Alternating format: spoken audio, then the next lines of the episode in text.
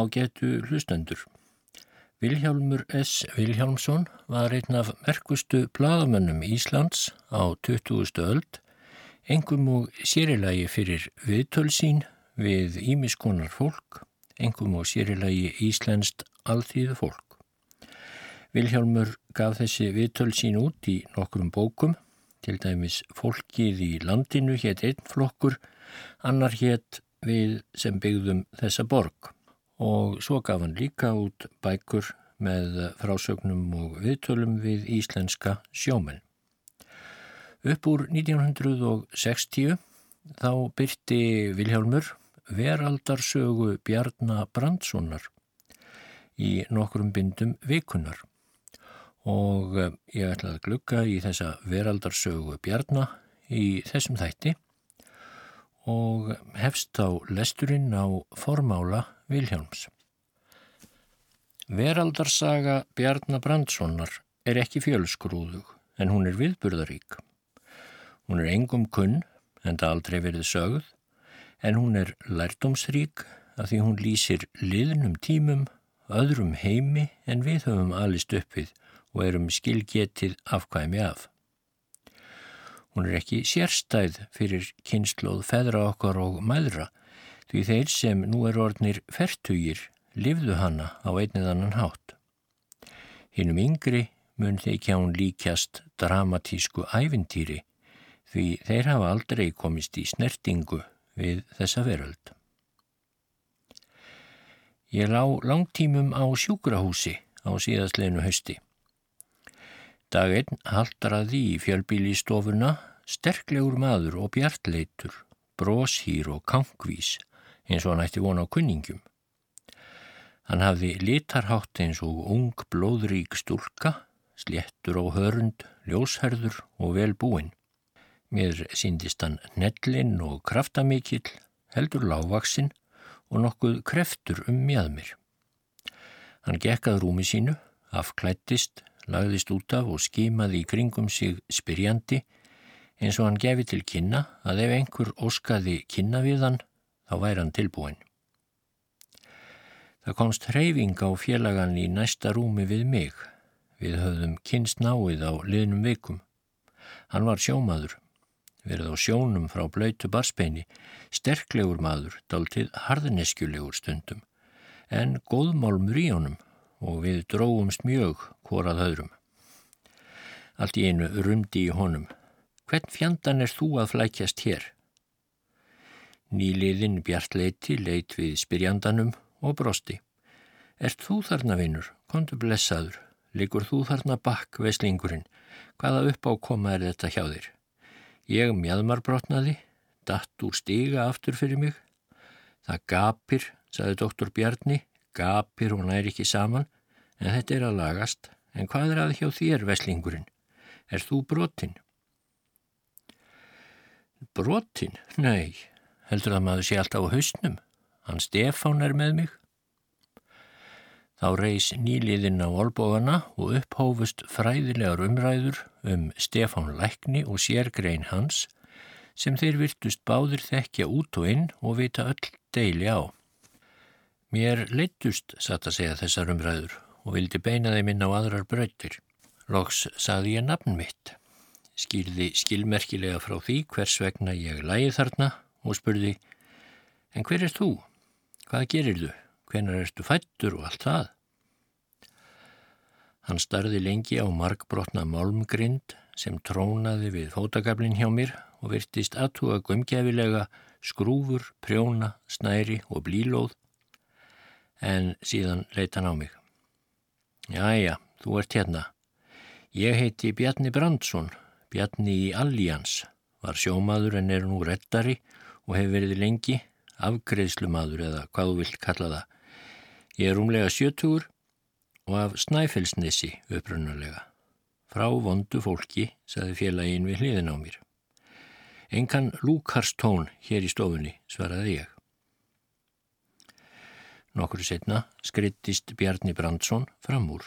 Hann klættist sallafínum inn í slopp, einhverjum þeim fínasta sem ég hefði séð. Lagðan yfir axleirnar, greitti sér nostursamlega og gekk fram. Hann leit út eins og prófessor. Eftir andartagsstund sagði félagi minn, Jæja, þá eru við búin að fá hetju á stofuna. Einhvern dugmesta dónan á tógurunum í gamla daga. Hann var á skúla fókita þegar hann sprakk í loft upp 1914 og hann var á Jóni Forsetta þegar hann fórst við Stafnes.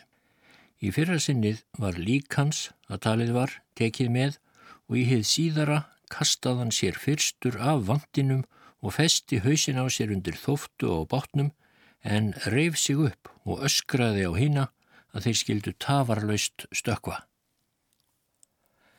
Ég fekk við þetta áhuga fyrir gamla sjómaninum og eftir að við komumst báðir á fætur þá talaði svo til mill okkar að ég skrifaði sögu hans í stórum dráttum. Og hér kemur því veraldarsaga Bjarnar Brandssonar sjómans. Ég fættist að Keflavík í Eitri Nesreppi á Snæfellsnesi 10. september árið 1889. En Keflavík þessi er skamt frá Hellisandi og skilur ársbræna á milli. Fóreldrar mínir héttu Ólína Bjarnadóttir frá Kverná í Eirarsveit og Brandur Bjarnason frá Lág í Sömusveit. Keflavík er merkilegur staður fyrir margra hluta sakir. Þaðan sést til búlandshöfða og helgrinda allangt í burtu en allt nágrennið er raun og hrjóstur og heldur ömurlegt um að litast. Doktor Helgi Péturs kom oft vestur og fór víða um. Sérstaklega fór hann á búlandshöfða og helgrindur og rannsakaði jærðulög. Þar finnast skelljar í sjálfum björgunum og þykir það merkilegt. Nú, fadur minn og móðir fluttu frá lág að Keflavík með tvö börn sín en nokkru eftir að þau komið þangað dó annað barnið. Þegar ég var ungur gengur nokkur skip úr Keflavík og þangað komu á vertíðum aðkomumenn, vermenn úr breyðafjörðaregjum og af skóarströnd. Þá fannst mér mikið að snúast. Þarna voru þá ekki neinar sjóbúðir en rústir sáust þar eftir nokkrar búðir frá lönguliðnum tíma. Vermönnum var komið fyrir á bílum þarna í grendinni, skamt var til næstu bæja, aðeins fimm mínútna gangur frá Keflavík að Munadarhóli, Kjálvegi og Ingjaldshóli. Engar kýr voru í Keflavík en mjölk kom frá þessum bæjum. Aðkomi menn komi til Keflavíkur aðalega á mið þorra og stunduðu sjó fram að páskum en sumir lengur, jafnvel fram í mæ. Annars stunduðu þeir sem hefðu búsettu í Keflavík og á næstu jörðum sjóin svo að segja allt árið. Flestir voru aðkomumenninir bændur. Það var gamla lægið að stunda sjóin á vetrum en heiskap á sömrum. Það gafst mörgum vel, en það einasti bjargræði svegurinn. Það var nefnilega hvorki hægt að treyna fram lífið á sjónum einum eða búskapnum einum. Engir vegir lágu að Keflavík aðeins hestaslóðir margra aldagamlar og sumstaðar var mjög ógreitt yfirferðar. Menn réru alltaf með línu, net kom ekki til sögunar fyrir henn setna.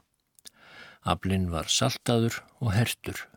Á vorin komu bændur svo úr dölum og öðrum sveitum og keiftu fiskin og borguðu með smjöri, skinnum, tólk, kæfu og öðrum búsafurðum. Peningar sáustu alla, en það var og lagt inn í vestlunina sem var á hellisandi og þá teknar vörur út í staðin. Þannig var vestlunarlægið vöruskipti millir bændana og sjómanana og inskriftir í vestluninni. Yfirleitt var fiskur lagður inn í vestlunina upp úr sjónum en hún sá síðan um verkunina. Hins vegar sölduðu menn þorskin í félagi en skiptu því sem átti að verka til skreiðar. Fadur minn hafði annan máta. Hann verkaði allan sinn fisk sjálfur og lagðan síðan að mestu fullverkaðan inn í veslunina.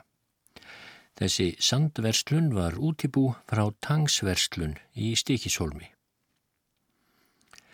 Fadur minn var að ýmsuleiti djarfari í bjargráðum en aðrir þarna vestra.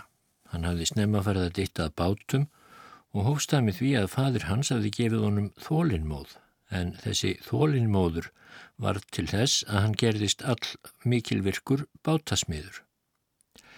Þegar hann kom til Keflavíkur fór hann að smíða smábóta og þetta óks hjá honum smátt og smátt og hafðan tölverða atvinnu af þessu. En fóreldra mínir áttu ekki í Keflavík heldur leiðu þeir hana. Húsakinni voru heldur bágborin en það voru húsakinni yfir leitt í þá daga og ekki var fengist um þótt læki í rigningum og frísi í rifunum í frostum. Þetta var gamal timburbær og heldur kuldasamt í honum þegar kuldar gengu á annað borð. Alltaf þykir mér þó vendum þennan bæ þegar mér verður hugsað til hans. Í Keflavík er ákaflega við sjálf breymlending og þar eruðu mörg sjóslís á fyrir dögum. Breymsundið er örmjótt og þar má engu skeika. Svo þröngt er það að þegar hleyftir inn úr utan frá sjó þá verður að halda upp í árum á stjórnborða og láta ölduna fleia sér inn fyrir. Ef skipið snýst eða það kemur nikkur á sjóin, þá er voðin vís. Margir fórust á þessu brímsundi. Einu sinni hlektist föður mínum á á sundinu, skipinu hóldi á sundinu, en það er um 15 metra frá landi. Allir björguðust ofið land í þetta sinn. Ég heildi sagðar margar sjóslýsa sögur, en get nú ekki verið að rekja þær. Fóreldrar mínir byggu í Keflavík í sjö ár. Ég man ennþann dag í dag þegar mér var sagt að nú ættum við að fara þaðan. Ég átti nokkur leikfeng, dýrindiskripi, leggi, kjálka, skeljar og nokkra fægða rosshausa sem mér þótti mjög vendum. Af einhverjum ástæðum fannst mér að ég gæti ekki tekið þessi leikfeng með mér og eftir að hafa hugsað málið lengi tók ég djarfa ákvörðun. Hún var ekki sársauka laus, en það var eins og ég vildi með því kóróna þá hrigð sem settist að mér við það að eigað yfirgefa bernskuslóðirnar. Ég fór með alla þessa greipi mína niður í fjöru og gróf þá í sandinum. Svo mókaði ég á þá og sléttaði yfir. Ég var ekki hári í loftinu þá og það er eins og ég sjáu baksvipin á sjálfum mér þegar ég gekk heim til bæjar að þessari aðtöfn lokinni. Fóreldrar mínir tóku nú jörðina Hallbjarnareyri í Eirarsveit en hún er á milli Kolgravarfjörðar og Grundarfjörðar. Hallbjarnareyri var mikil jörð og myndarleg. Hún stendur á nesinu undir Eirarfjalli og er kunnur sögum. Seks kvot lágu undir jörðina og flest voru þau í byggð eða öll. Einu sinni bjó sér að Eirikur kult og þurriður kona hans að Hallbjarnar Eiri en sonur þeirra var Brynjólfur sem átti að verða mikill maður meðal þjóðarinnar og var dekrað við Brynjólf í æsku en varð þrátt fyrir miklar gáfur og fjölhæfni, drikju og ógefumadur sem fannst að lokum döður hér í skúrræksni með nagað og ósóðið kjöttbeini í hendinni. Sú saga getur aldrei liðið mér úr minni. Hallbjarnareyri var miklu betri og veglegri jörð en Keflavík en samt finnst mér að þar hafi verið ömurlegt um að litast. Þetta stafur á því að fátækt var skjelvilegi í kótunum eða hjáleigunum sex sem fylgdu bænum. Þar voru aðeins moldarkofar og eins og allt framtak vantaði. Þar var sankallað hörmungar ástand einna líkast því sem fólkið hefði gefist upp fyrir langa löngu. Engin bátur var til þarna og þó stóð jörðin við sjó og þar átti því að vera gott til fanga. Fadur minn kom með skip og hann hóf þegar róðra. Það var eins og mennirnir í hjálegunum hefðu þá heiminn höndum tekið. Þeir fóru strax að róa með honum. Svo fór hann að smíða skip handa þeim og smátt og smátt egnuðist þeir sínar eigin fleitur. Þessa menni í kottunum vantaði ekki líkamlegt þrek og áræði en það var eins og kortvekja hefði verið í fjötrum og fadur minn listi þá. Fóreldrar mínir komið sér líka upp skeppnum og smátt og smátt fór bústofnin í hjáleigunum líka að vaksa. Þannig voru fóreldrar mínir í átta ár. Þegar þau fóru þaðan áttu allir sína kænu í hverju koti kænur sem fadir minn hafi smíðað og nokkra skeppnur svo sem eina til tvær kýr, tvo hesta og 20 til 30 kindur. Fadur minn vildi láta okkur börnin læra undirstöðu fræðin, lestur, reikning og skrift. Meðan við vorum í Keflavík fekk hann til okkar farkennara, hluta ár vetri, Lárus Lárusson frá Ólafsvík og lærði ég að þekkja stafina hjá honum. Þessu helt fadur minn svo áfram eftir að við fluttum að Hallbjarnareyri en þar voru aðrir kennarar. Það var draumur allra drengja í eskuminni að fá að fara með í róður og snemma varð mér að þeirri vonminni. En þegar ég var 12 ára sagði fadur minn að nú væri komin tími til að ég færi að styrkja handleikina og bakið með því að róa. Meira tröst var ekki hægt að sína mér en þetta. Ég var líka maður með mönnum upp úr þessu og þóttist ekki lítið upp yfir þá drengi hafinn sem enn hafðu ekki fengið ár til umráða. Svo fekk fadur minn gamlan mann sem hjá okkur var til að sauma skinnsokka sem náðu mér upp undir hnje og skinnstakk var hann líka látin sauma handa mér. Meðan gamli maðurinn satt við saumana vek ég varla frá honum og vildi helst að hann mátaði sem oftast. Let ég og móður mína fylgjast með því hvernig saumaskapurinn gengi hjá gamlamanninum en rætti minna um það við föður minn en það fannst mér það allt og barnalegt að vera að ræða við hann um slíkan hegóma. Og svo fór ég að róa og rýri af kappi. Ég var sæmilega þroskaður líkamlega og ekkert var eins gott til að stæla vöðvana en róðurinn. Árin styrkir allan líkamann, lærvöðvana, bakið, brjóstið og ekki síst handleikina. Við hugsuðum svo sem ekki mikið út í slíka helbreyðisfræði í þá daga. Það var brín lífsnöðsinnin sem rakk okkur áfram við róðurinn. En nú róa fáir. Mótorar hafa útrýmt árinni. Mér er sagt að sömur heldri menn hafa einhvers konar róðurarvél í kjallaranum hjá sér og æfi sig þar í róðuri. Það hefði nú þótt löðurmannlegt á fyrirtíð og hætt við að sá sem það gerði hefði orðið að allægi um allar sveitir og sjávarplás. En svona rýri ég með föður mínum öll mín æsku ár. Þegar ég var tæplega 14 ára gammal var ég fermdur, en frá því man ég fátt að segja. 15 ára gammal fekk ég hins vegar skinnbrók af manni sem dó hjá okkur.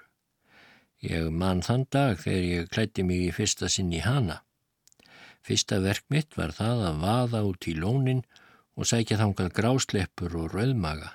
Ég gómaði þetta góðgæti með berum fingrunum. Árið 1904, þegar ég var 15 ára, sögðu fóreldrar mínir lausri í jörðinni og fluttu til Stikisholms. Þar byggði fadur minn myndarlegt timburhús og flutti í það. Hann kefti sér og vjelbátt og gerðan út og var ég á með honum á bátnum í fimm ár eða til ársins 1909. Það voru mikil viðbreyði fyrir mig að komast úr fásinninu í kaupstæðin.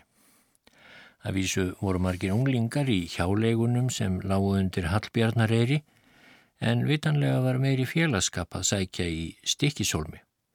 Stikisólmur var frægur gamal veslunarstaður og bar merki um ímsa höfðingi og fyrirmenn sem þar höfðu átt heima og áttu heima. Þar var mikil verslun og sóttu bændur viðsvegar að þangað. Menn komu úr nálegum sveitum og vikingar komu úr eigum til að versla.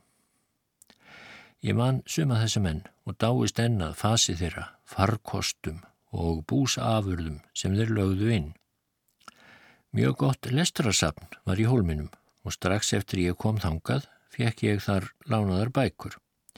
Þessu held ég áfram í þau fjögur ár sem ég var þar um kyrst og las ég þá kynstrin öll af bókum um allt milli heimins og jarðar. Sérstaklega las ég allar Íslendingasögurnar og þetta mun hafa orðið til þess að mér fór að þykja of þröndum mig í hólminum. Ég var hraustur, djarfur og framaröllu forvitin Fadur minn mun hafa fundið inn á það hjá mér að mig langaði eitthvað burt og eitt daginn hafði hann orðaði við mig. Ég sagði eins og var að þarna byði mín ekki neinn framtíð en mig langaði til að sjá mig um. En það geti ég valla gert nema með því að komast á skip sem færi í siglingar.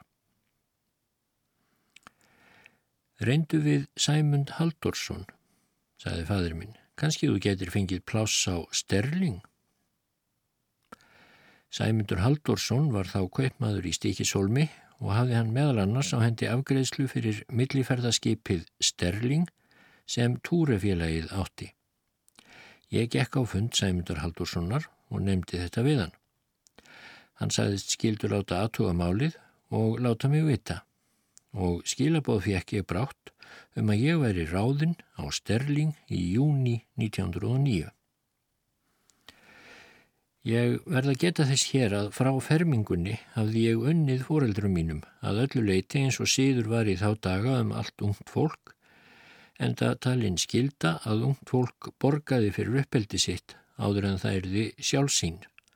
Þó hafði fadur minn verið svo eðalindur að hann let mig fá fött og auk þess fimm krónur á mánuði. Það var meira en fóreldrar letu börnum sínum í tje því að yfirleitt fenguðu ekkert nema fött og fæði og ef til vil einhverja auðra lús af einhverju sérstöku tilhemni. En nú þegar ég réðist á Sterling fekk ég fast kaup í fyrsta skipti á efinni. Það var ákveðið 45 krónur á mánuði. Við lögðum svo að stað frá Stikisólmi og til Reykjavíkur.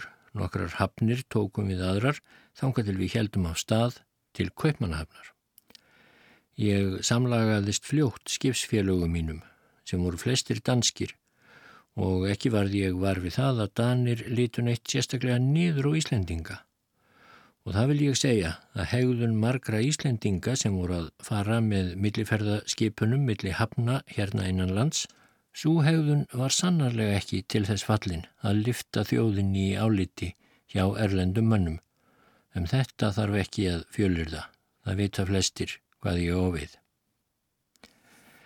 Mér þótti vitanlega gaman að koma til Kaupmannahafnar og dvelja þar í nokkra daga meðan verið var að afferma skipið og ferma það að nýju með vörum til Íslands og ég skoðaði allt sem ég leik forvitni á.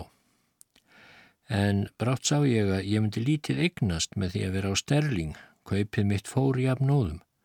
Bæði langaði mig til þess að vera vel til fara og auk þess freistuðu mín listi semtur heimsins svo að mér helst illa á öyrunum. Nú þegar ég hafði verið á Störling í tvö ár þá hætti ég. Ég var þá um tíma fyrir vestan hjá fóröldurum mínum en reðst svo á skip sem var hér í strandsiglingum. Á því var ég um tveggja ára bil en líkaði ekki vistin. Mér langaði á tógara en um þetta leiti eða um 1915 var tógaraöldin að hefjast fyrir alvöru og það var talin mikill gæfu vegur að komast á þau skip. Yfirleitt var sagt um unga menn sem fengu plássa á tókskipi, honum er borgið, hann er komin á tógara. En það var ekki fyrir alla að fá pláss. Reyðarar og skipstjórar letu yfirleitt ekki aðra að komast um borð en vildar vini sína eða aðstandendur. Mér var það því ljóst að mér myndi ekki takast að komast um borði í tógara nema fyrir kunningskap og nú skal ég skýra frá atviki sem segja má að hafi ráðið örlögum mínum. Ekki aðeins í því til liti að það var til þess að ég fekk tógarapláss í þetta sinn, heldur var það til þess að ég hef stundað þessa atvinnu mína allt til þessa dags. Meðan ég var á Störling hafði ég, þó ég væri hættur að vinna fóraldurum mínum, lögheimili mitt áfram hjá þeim í stikisólmi. Eitt sinn þegar Störling var þar, gekk ég inn í búð og rappaði þar við menn. Þegar ég kom út úr búðinni var mér litið út á höfða sem var skamt frá búðinni og sá ég þar tvö börnaðleik. Þau sátu þar nokkuð framarlega og flögi gegnum hugminn að þau væri nokkuð tæft á klettinum.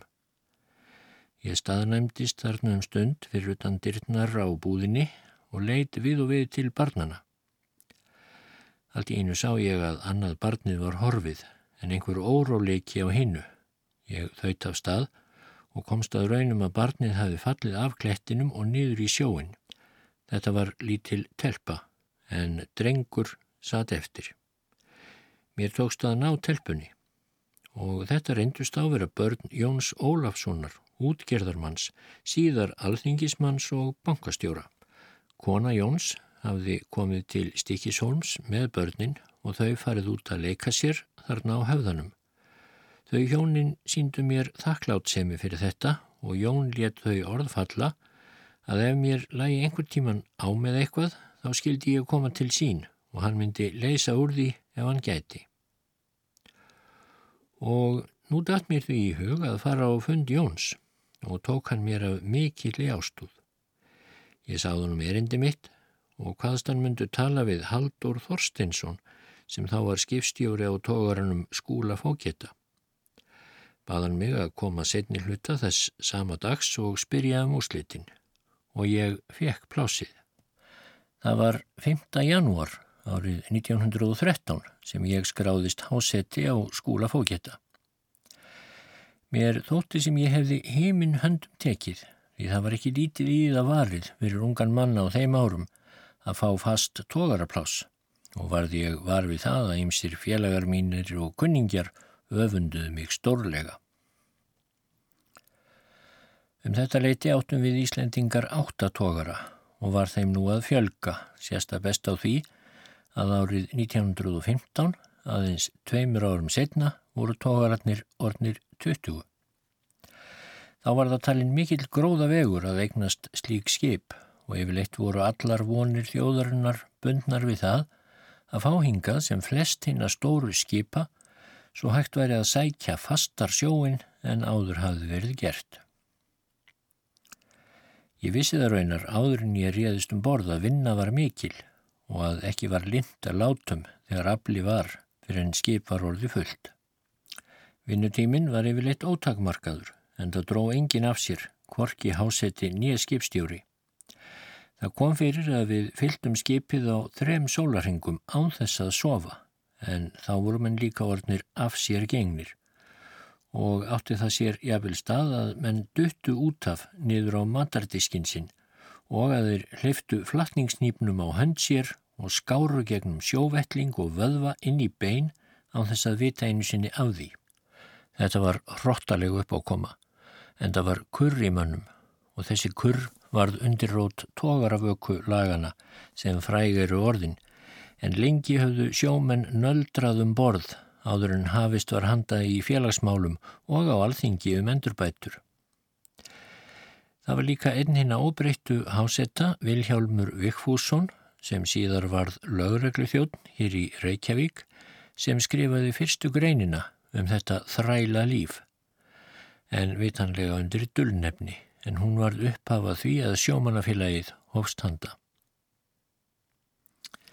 Í sambandi við þetta mál skal ég geta þess að þegar fyrstu vökulögin gengu í gildi og tógararnir komaða landi Þá átti sér stað að skipstjórar sem annar stunduðu lítið ræðuhöld hófu upp raust sína af brúarvagnum um leið og lagst var og tilkynntu köllunum að nú getur þeir búist við því að þeir eruðu afmunstraðir því allt útlýtt væri fyrir það að tógara útgerð væri lokið á Íslandi hér með, svo væri Jóni Balla fyrir að þakka. En þannig nefndum við vökulögin okkar á milli að því að Jón Baldvinsson fekk þau samþygt en þetta var nú mörgum árum setna. Ég let ekki upp í stöðurnar á mig fá og heldur ekki skipsfélagar mínir á skúla fóketa. Við letum okkur hafa þetta vinnu álag en það allt ungir menn og hraustir. Og það vil ég taka fram að ekki lág skipstjórin Haldur Þorsteinsson á liði sínu. Hann stóð alltaf, fór aldrei úr brunni þegar aflarhóta var og svaf ég að vel minna en við hásettarnir. Haldur var framúrskarandi tröstur maður og kátur og skemmtilegur þegar því var að skipta, en snöggur på lægið og myndulegur þegar mikið lág við. Haldur setti fasta reglur um alla skapaða hluti. Þá var ekki síður að láta út úr tolli eins og það er kallað nútildags menn kom ekki með byrðir af brennivín í tópaki og öðru þvíum líku úr hverjum túr, en það var kaupið drýgra þá en nú er þó að það væri lægra í krónutölu. Það var til dæmi síður Haldurs að gefa hásettum sínum bjór þegar við vorum í erlendri höfn í söluferðum. Ég maða eitt sinn, það var áður en ég kynntist reglum skipstjórans, að við vorum í erlendri höfn og allir saman. Þá saði Haldur, já já, þá er það bjórin til hressingar, gjöruðu svo vel. Ég tilkynnti þá, ég vil engan anskotans bjór, ég vil viski. En Haldur svaraði strax ákveðin, hér er það aðeins bjór, Bjarni Brandsson, hér fær engin annað en það sem honum er bóðið. Og við það satt. Yfirleitt var sára lítið um drikkjuskap á tógara sjómanum í þá daga, en það höfðu þeir ekki peninga millir handana. Það getur vel verið að það sé frjálsmannslegra fyrir sjómenn að fá gjaldir í greittan á kaupi sínu eins og nú er, en hrættur er ég um að kaupi þeirra verði ekki einn strjúkt fyrir það.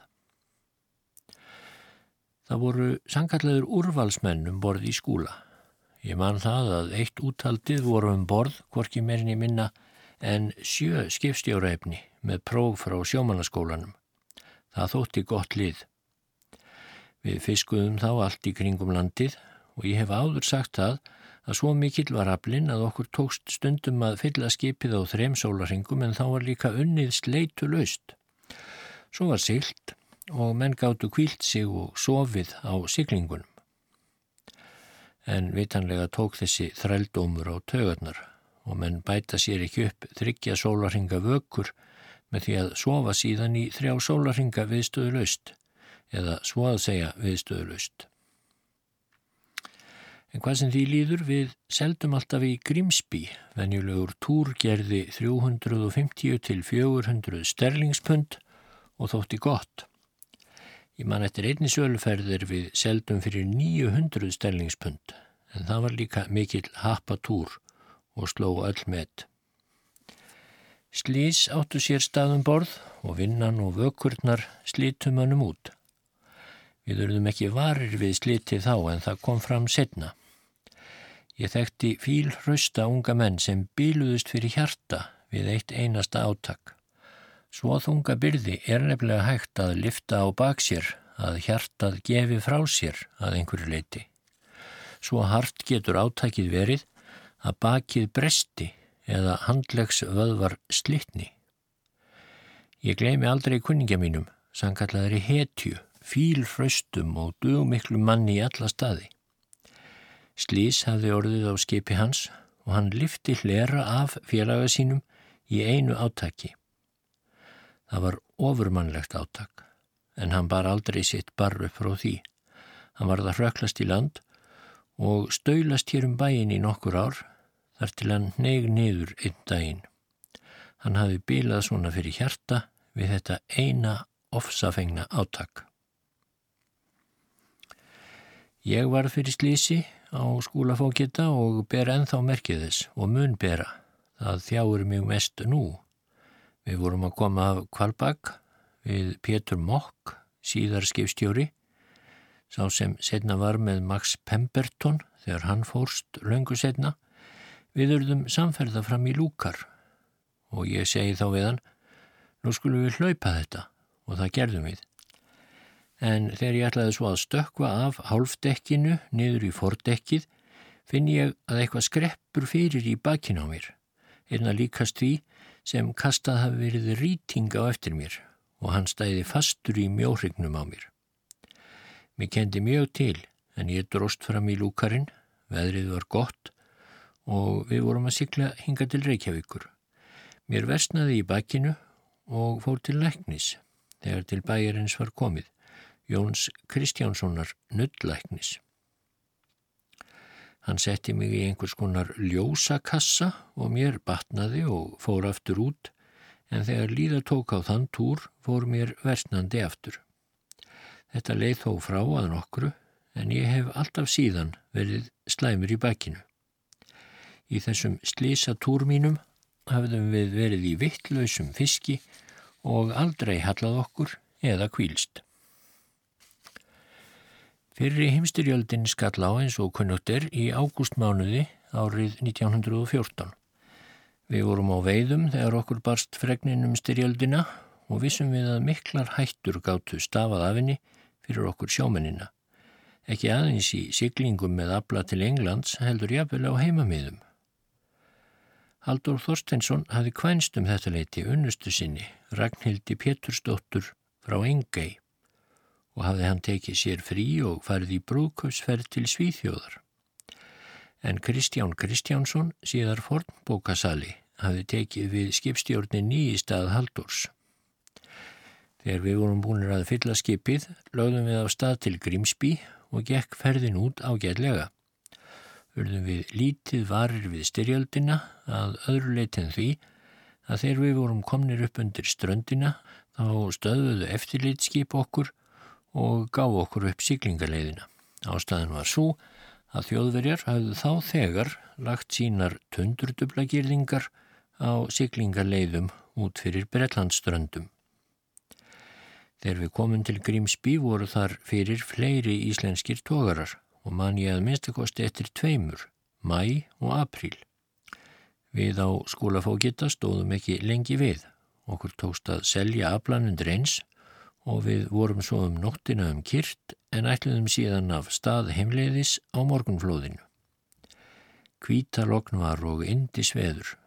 Allt í einu var okkur tilkynnt að ennmitt þessa nótt hefði þjóðverjum tekist að leggja tundurdublum sínum út af herskipalæginu í Skapafló á Orkneium.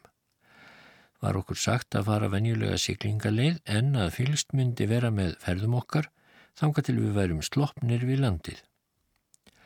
Við lögðum einir af stað en þó fóru þeir báðir á sama flóði, mæ og apríl. Þeir fóru hins vegar ekki sömu leið og við, heldur fóru þeir með landi fram. Um klukkan 11 um kvöldið vorum við stattir út af skapafló. Ég var þá nýkominn af vakt, hafði afklæðst og grepið mann og konu sem ég fór að lesa í. Við vorum þarna sex í kójunum, allir háttaðir og ímist við lestur eða sopnaðir. Hinnir voru aftur í við töfl og spil eins og gengur. Skipið brunaði áfram á þess að haggast, svo sléttur var sjórin. Við höfum gert góðan túr, aflað vel og selt mjög sæmilega. Okkur leiði öllum vel og hafðum uppi gamanirði. Ég hafði sögt mér niður í bókina og svefn fór að sækja á mig. Ég var að hugsa um að fara að brjóta í blað þegar öll veröldin virtist sundrast í einu andartaki. Það var eins og skipið tækist á loft og skilli aftur niður á sjóin, geysileg sprenging hvað við og allt gerðist í senn. Við tókumst á loft úr kójunum og gátum enga rönd við reist. Ég réð ekki neitt við reyfingar mínar. Dínur hendust með okkur og sengurfötinn þyrluðust um lúkarinn en um leið var mér það ljóst að allt hafði möllbrotnað. Ég lendi á kafi í sjó sem streymdi inn og þegar ég ætlaði að reyna að lifta höfðun eitthvað fann ég að eitthvað kvildi á því. Mér tókst þó að krafsa mig upp úr þessu en það reyndust vera spítur og bjálkar. Lítið varði ég var við félaga mína. Þó hef ég óljósa hugmyndum það að ég hefi heyrt stunur og jafnvel að ég hefi ítt frá mér handlegg og fæti sem mér finnst að hafi verið lausir frá ból en get þó ekki um það fullirt. Mér dætt í hug hvort skipið væri að sökva og lúkarinn allur komin í sjó, kolsvarta myrkur var þarna og ég svamlaði í sjónum.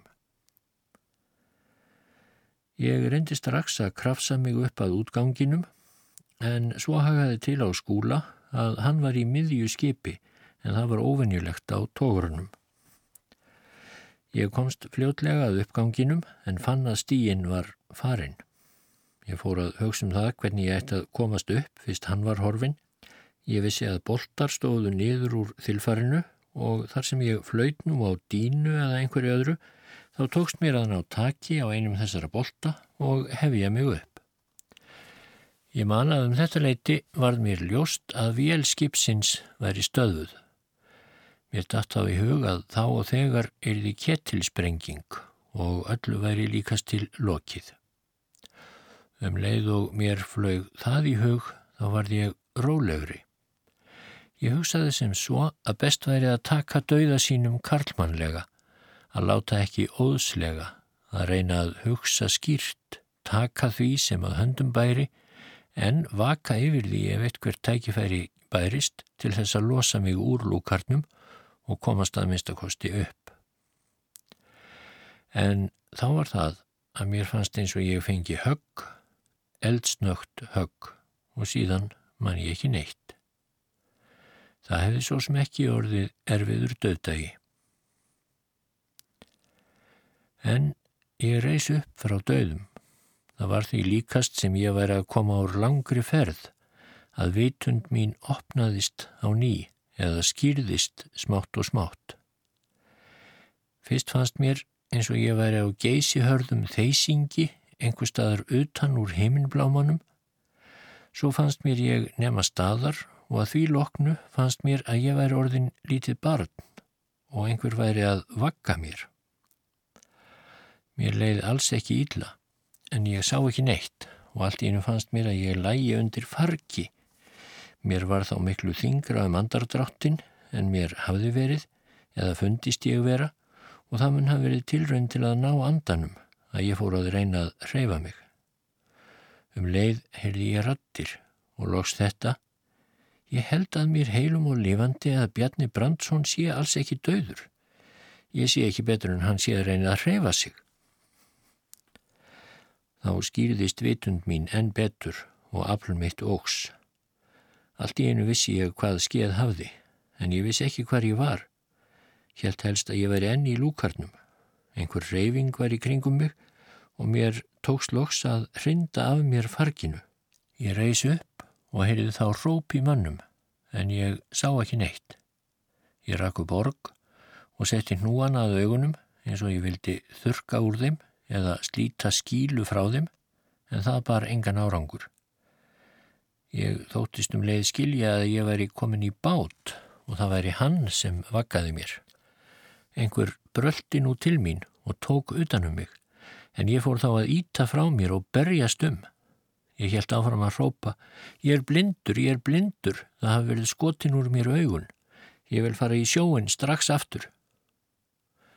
En ég gæt mig hvergi hrært því mér var haldið föstum. Þá varði ég varfið það að einhver var að reyna að þurka úr augunum á mér og eftir dálla stund fór ég að sjá skímu en um leið róaðist ég.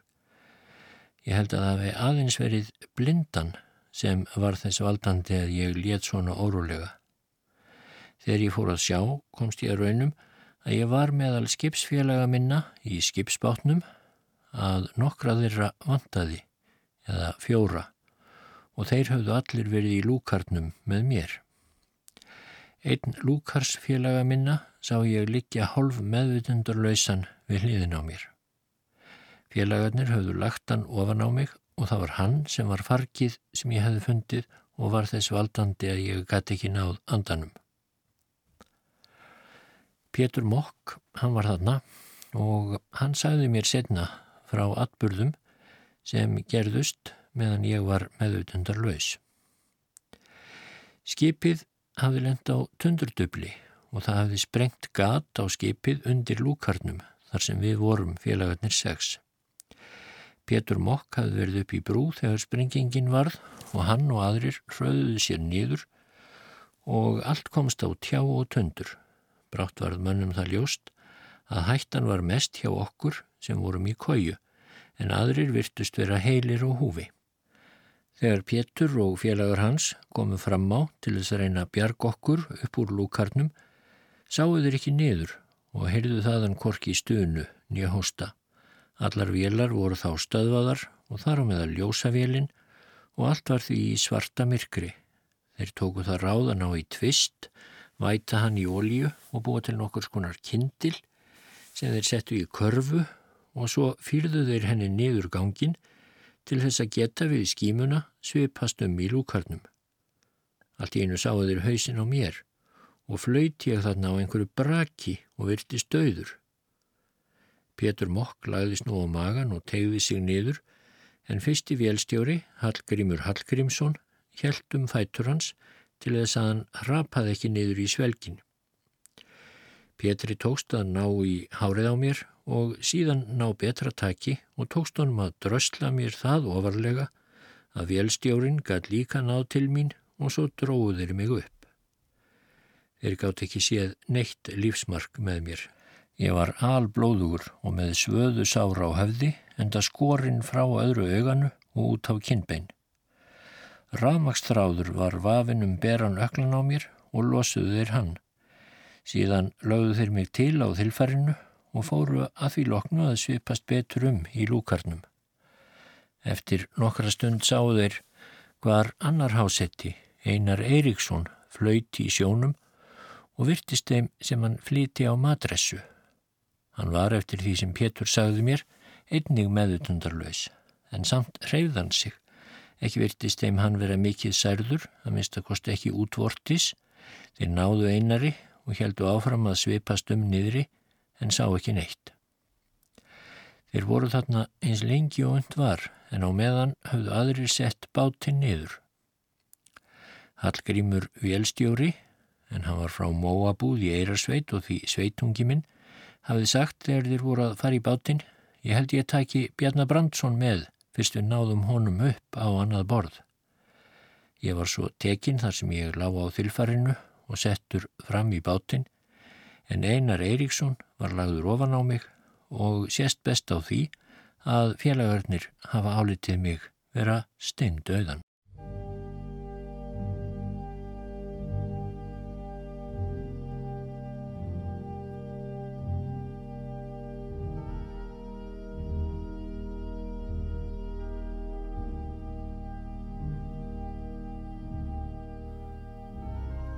Ég held áfram í næsta þætti að lesa úr frásögn Viljáms Viljámssonar af Bjarnar Brandsinni.